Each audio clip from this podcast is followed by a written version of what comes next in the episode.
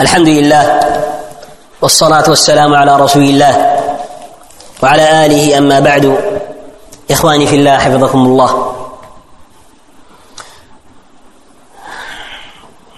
بكى هاتي يا إخواني في الله بكى هاتي كموس بنوم بكى أبا تلينغا أنتم تهو أبا بربدا أن أن ترى كف الأذى والصبر على الأذى antum tahu apa perbedaan antara maksudnya antara makna kaful adha maksudnya berhenti adha? Dan as-sabr al adha sabar sama adha. Antum tahu apa perbedaan? Perbedaan antara dua ya akhwan antara makna ini. Kaful adha maksudnya anta tak membahayakan orang lain.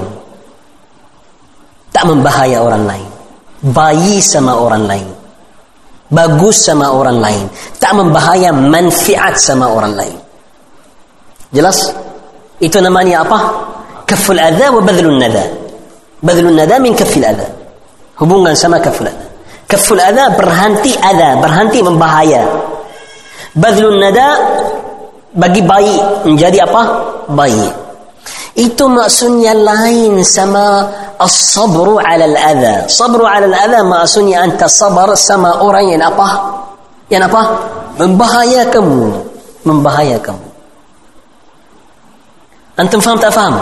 Itu dua tahap. Itu dua makna yang beda-beda. Itu dua hukum bukan satu. Apa maksudnya itu ya kawan? Setiap orang ya akhwan fillah di tempat mengajaran ikhwan, mengajaran manusia, jawaban soalan-soalan dia, khusus hari ini, Macam saya buat sama kamu ya fillah mau jumpa banyak masail antara ikhwan atau antara suami istri suami istri malam ini saya mau fokus dalam masalah apa? Suami istri dari pengalaman ya fillah dari yang saya jumpa banyak ikhwah dari Indonesia atau luar Indonesia yang sering hubungi saya untuk masalah suami fitnah suami istri ada masalah antara suami istri Tapi akhwan fillah betul banyak masalah dari ini dari sisi siapa? Sisi siapa? Sisi suami, bukan sisi istri. Tak maksudnya istri tak ada salah. Tak. Maksudnya suami tak tahu perbedaan antara kafun nada was sabru ala al Maksudnya ya akhwan fillah sering biasa jumpa masalah ini. Wallah kalau saya jaga bukan setiap hari tak tipu. Mungkin setiap hari ya akhwan fillah. Yang orang hubungi saya akhwan untuk masalah ini. Dia sangat cari solusi untuk istrinya sebab istrinya masalah sudah mau cerai. Kenapa ya akhi? Sebab bahaya saya. Saya tak ta'a kadang-kadang tak buat itu kadang-kadang tak ada. Tak ada. So.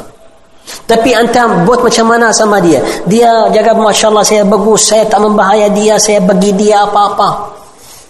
Dia fikir kalau dia bagus sama dia dan dia tak membahaya dia wajib dia buat apa sama dan kalau istri kadang-kadang membahaya dia tak tahan tak terima itu istri yang rosak yang tak bagus yang tak salihah wajib cari solusi untuk masalah ini Hada sebab ya akhi fahaman kamu Quran untuk hubungan antara suami apa istri. Fokus sama saya akhwani fillah. Hari ini saya mengajar kamu macam mana antum terbiah istri. Istri kamu perlu terbiah macam anak kamu perlu apa? Terbiah. An terbiah itu kerja kamu pertama. Sebab itu perkataan Allah Ta'ala dalam Al-Quran.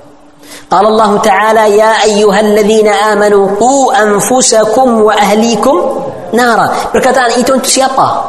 Untuk siapa? Untuk orang lelaki, untuk suami, untuk bapa, Oh, jaga diri sendiri sama keluarga kamu sama anak kamu dari apa? Neraka. Wa kata Allah Ta'ala, وَلِلْرِجَالِ عَلَيْهِنَّ دَرَجَةً Laki atas apa? Perempuan. الرِّجَالُ قَوَّامُونَ عَلَى النِّسَاءِ Orang laki atas orang apa? Perempuan. Itu kerja kamu. Anta wajib terbiah istri macam mana anta terbiah siapa? Anak-anak sama. Dan anta wajib faham akal kamu dan akal dia tak sama. Sebelum saya bagi kamu kasih kamu faedah itu, anta wajib faham penghuluan itu ya kawan. Akal orang lelaki dan akal perempuan tak sama. Fisikal dan fisikal tak sama. Betul tak betul? Asyahid ya akhwani fillah. Asyahid ya akhwani fillah. Tengok perkataan Allah Jalla wa'ala dalam Al-Quran macam mana jelas.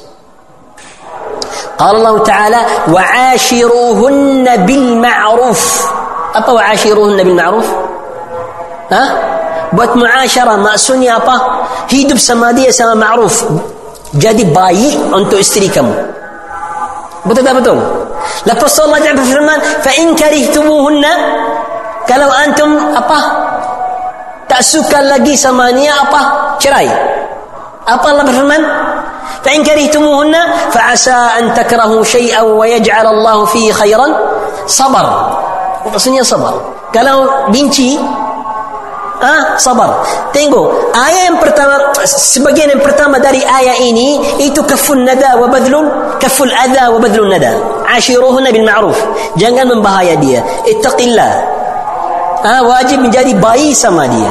Itu ashiruhunna bil ma'ruf لبس الله دعم في المن فإن كرهتموهن فعسى أن تكرهوا شيئا ويجعل الله فيه خيرا.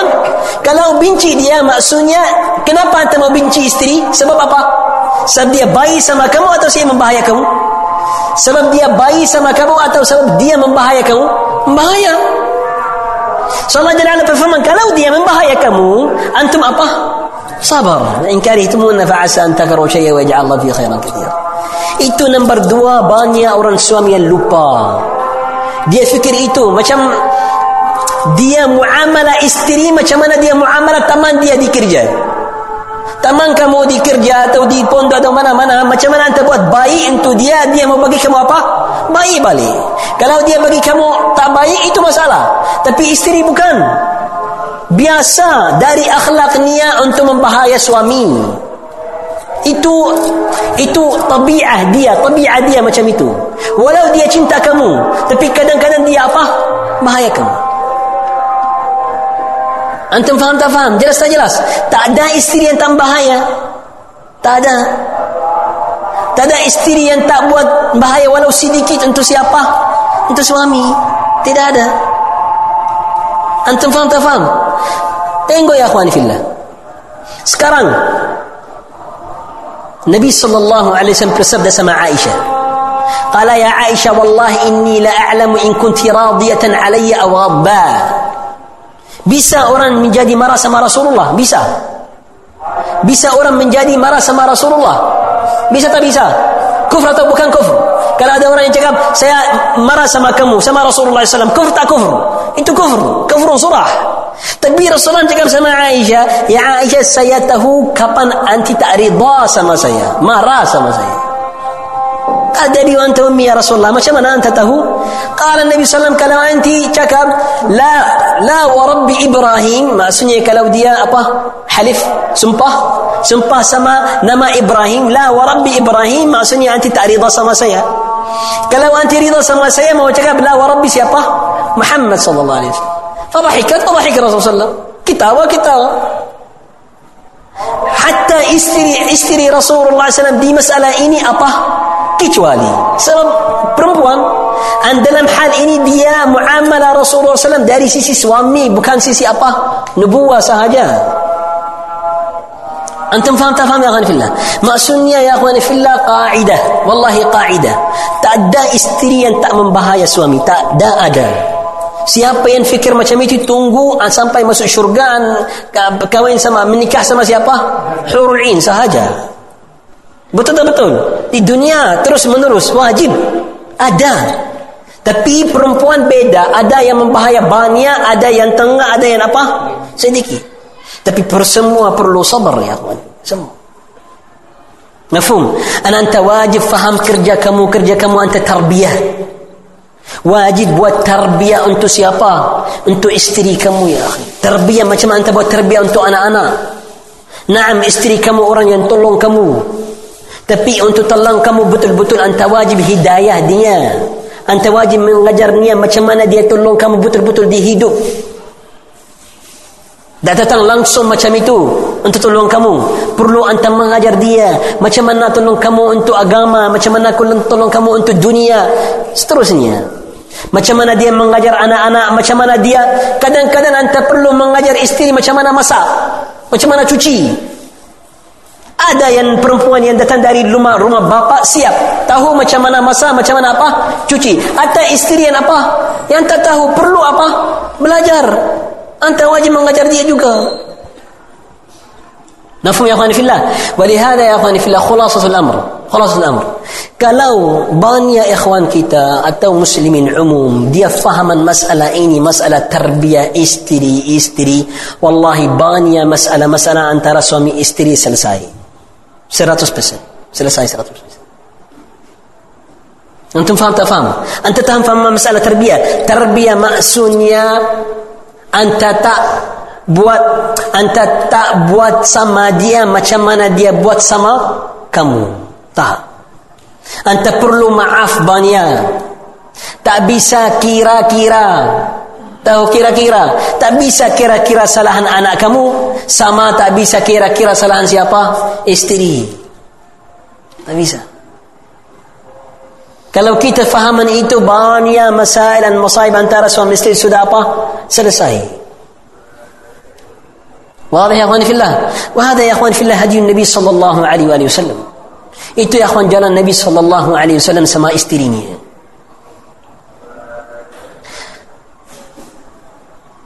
كان من هدي النبي صلى الله عليه وآله وسلم أن أزواج النبي صلى الله عليه وسلم إذا لم يفهمن شيئا سألنه ورسول الله صلى الله عليه وسلم يجيب بخير إجابة داري هذه رسول الله صلى الله عليه وسلم قال رسول الله كاتا الله عليه وسلم أن استري استني دي أبا dia tanya Rasulullah sallallahu alaihi wasallam Rasulullah bagi jawab yang paling jelas untuk istri sebab itu jalan untuk mengajar dia Itu sebab Nabi SAW bersabda ambil separuh agama kamu dari Aisyah radhiyallahu taala anha.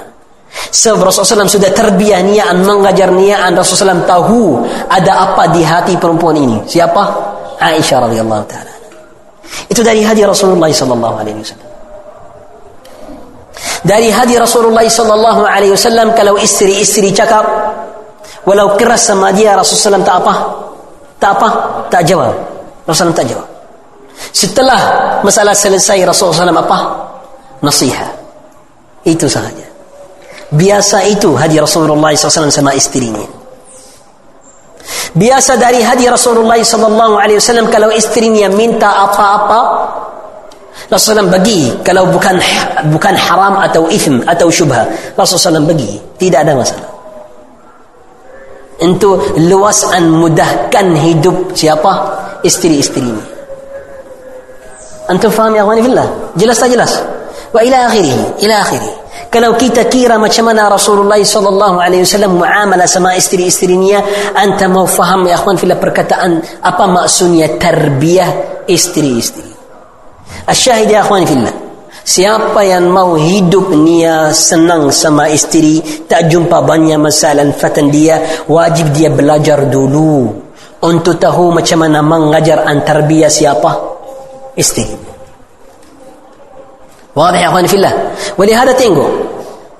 Mana-mana Rasulullah SAW apa-apa di agama kita yang mungkin uh, sebab untuk men, sebab untuk hubungan antara su suami isteri menjadi bagus agama kita dorong agama kita membaguskan kepada kita untuk buat. Walau masalah mudaabah an mainan sama siapa isteri. Jamin Aziz Jabir bin Abdullah radhiyallahu taala anhu Rasulullah SAW bersabda apa-apa yang bukan zikrullah taala lahu apa-apa di dunia yang bukan zikrullah yang tak hubungi sama zikrullah taala itu lahu. Lahu maksudnya apa? Rugi rugi. Kecuali empat dari dunia yang bukan rugi.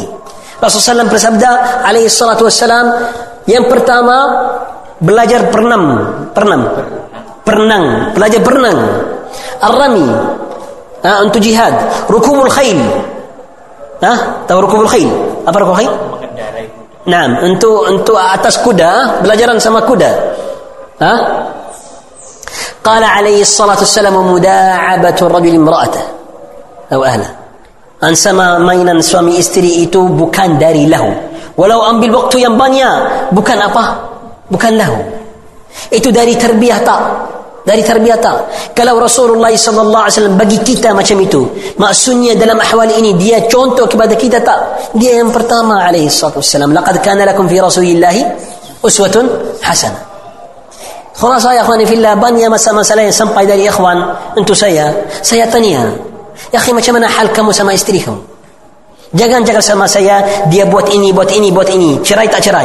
Tak, tak, tak, tak, tak ada manfaat. Saya tanya kamu, anta macam mana muamalat kamu sama dia? Anta buat terbiah. Jangan cakap sama saya dia membahaya kamu. Saya tahu dari awal dia membahaya kamu. Tapi anta buat apa sama dia? Terbiah kamu untuk istri macam mana? sama ya akhwani fillah orang-orang yang yang anak dia jauh dari istiqamah saya cakap sama sama dia anta sudah ya akhi fillah mengajar mengajar istri istri sebab yang utama untuk anak kamu menjadi dalam apa istiqamah yang utama sebelum kamu sebelum kamu anta luar rumah anta cari maisha anta bukan sama anak kamu terus menerus siapa yang lebih dekat dari dari anak-anak istri kalau istri istiqamah an ikhlas an taqwa sama Allah taala abshir bil khair harap yang besar sama siapa? Anak-anak. Faham ya Allah fillah? Tak bisa, tak bisa kita cari solusi untuk hasil masalah anta membaikan asal apa, dasar apa masalah itu. Tak bisa. Tak jadi, tak jadi. أنتم فاهم يا أخواني في الله واضح إذا افهموا هذه المسألة تربية الزوجات من أهم المهمات تربية الزوجات من أهم المهمات untuk terbiak kepada istri-istri sangat kerja yang paling penting dari siapa? Suaminya. Dan itu dalil anda wajib belajar agama untuk tahu macam mana terbiak siapa? Istri. Barakallahu fikum ya akhwani fillah. Subhanahu wa hamdik syadu la illa anta. Astaghfiruka wa atubu ilaih. Ada soalan ya akhwan sebelum habis? Fadal ya abang. Sabar sama istri. Sampai mana batasnya? Allah Jalla wa'ala sudah berfirman. Nabi SAW sudah ber, sudah bersabda alaihi salatu wassalam. Qala illa an ya'tina bi مبينة. قال الله تعالى واللاتي تخافون نشوزهن يعني أنتم تكو داري نشوز دي ما سنيا برمبوان يعني سدى تطاعات سما سوامي تطاعات ما سنيا كدن كدن طاعة كدن كدن أفا تطاعة قال الله تعالى فعظوهن وهجروهن في المضاجع واضربوهن فإن أطعنكم فلا تبغوا علينا سبيلا. أنتم واجب تربية النصيحة سما دي ترس منرس سام باي دي فاحشة مبينة. أبا فاحشة مبينة؟ Maksiyah yang besar maksiyah dia buat maasi yang jelas maksudnya dia berbuka maksiyah-maksiyah niat kalau macam itu anta buat apa cerai sama dia kalau belum sabar antahan mungkin Allah Jalla ala apa apa? Nah. Tengok kisah Zakaria alaihi salatu wassalam. Apa Allah Jalla berfirman dalam surah Al-Anbiya. قال الله تعالى وزكريا إذ نادى ربه ربي لا تذرني فردا وأنت خير الوارثين زكريا نبي الله زكريا نبي الله. بقي دعاء يا الله سيتأدى أنا أنا بقي سيأطى أنا يا الله ست الله زكريا تنقو ما كمان كرامات مريم بقي دعاء أنت الله تعالى نبي نبي زكريا نبي رئيس بنو إسرائيل دلم نبوة كبالة بنو إسرائيل في النبوة خير عبادهم نبي ينبال عابد ينبال تنقي أن ترى بنو إسرائيل دي بيت المقدس ساعتي رب هب لي فردا لا تذرني فردا وأنت خير الوارثين. فقال الله تعالى فاستجبنا له وأصلحنا له زوجه. فاستجبنا له كتاب بقي دي أنا سيابا أنا دي سيابا أنا دي يحيى واصلحنا له زوجه ان كتاب من بايكن سيابا استرينيا العلماء دي جاكب هذا دوا سبب انت استري زكريا من جادي صالحه اصلحها دلال مساله ايتو Ada dari mufassir yang cakap dia benci libania lepas tu Allah membaikan lidah dia. Dia cakap dua sebab. Yang pertama doa. Doa siapa? Doa siapa? Maksudnya sabar tak sabar? Sabar tak sabar? Sabar Nabi Allah sabar berapa tahun? Ada jaga 60 tahun. Ada jaga 50 tahun. Dari Israeliat. Yang pertama sebab apa? Doa siapa? Suaminya. Nombor dua sebab anak dia. Setelah fastajabna lahu wa wahabna lahu Yahya wa aslahna lahu zawja. Allah bagi dia siapa? Yahya. Setelah Yahya keluar, anak yang paling istiqamah menjadi sebab untuk istiqamah siapa? Ibunya. Itu. Ibn Abbas dan lain-lain dia cakap itu tafsir qaulullah ta'ala wa asa an takrahu syai'an wa yaj'al Allah fihi khairan kathira mungkin antum benci isteri ini itu tapi ada khair dalam niat maksudnya siapa anak dia sabar أنتم فهم تفهم ولهذا قال عليه الصلاة والسلام لا يفرك أو لا يفرك مؤمن مؤمنة إذا سخط منها خلق رضي منها Jangan khianat sama isteri.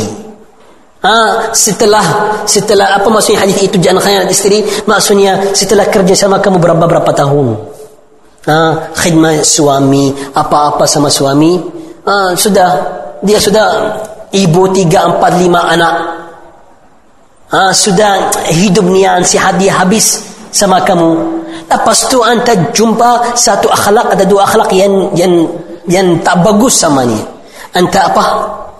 Anta cerainya. Lepas tu anta tak takut Allah Ta'ala. Perempuan macam itu mau pergi mana? Sama anak-anak ni mau pergi mana? Siapa yang mau terima dia lagi? Eh, Perempuan macam ini sangat, sangat susah untuk jumpa apa? Suami lagi. Ittaqillah. Itu maksudnya. La yafraq mu'minu mu'mina. Iza radiyya min, iza sakhita minha khuluqun radiyya minha. Akhar. Kalau anda tak terima satu akhlak dari dia, ya, eh, anda terima akhlak apa? Lain. Sabar. Sama ini. Walau itu jelek, tapi ada sisi yang apa? Baik. Sabar. Ittaqillah. هذا كلام رسول الله صلى الله عليه وسلم هذا من حسن العشره مفهوم يا إخواني في الله؟ نعم. dan ya akhwani fillah itu batasan sabar barakallahu fikum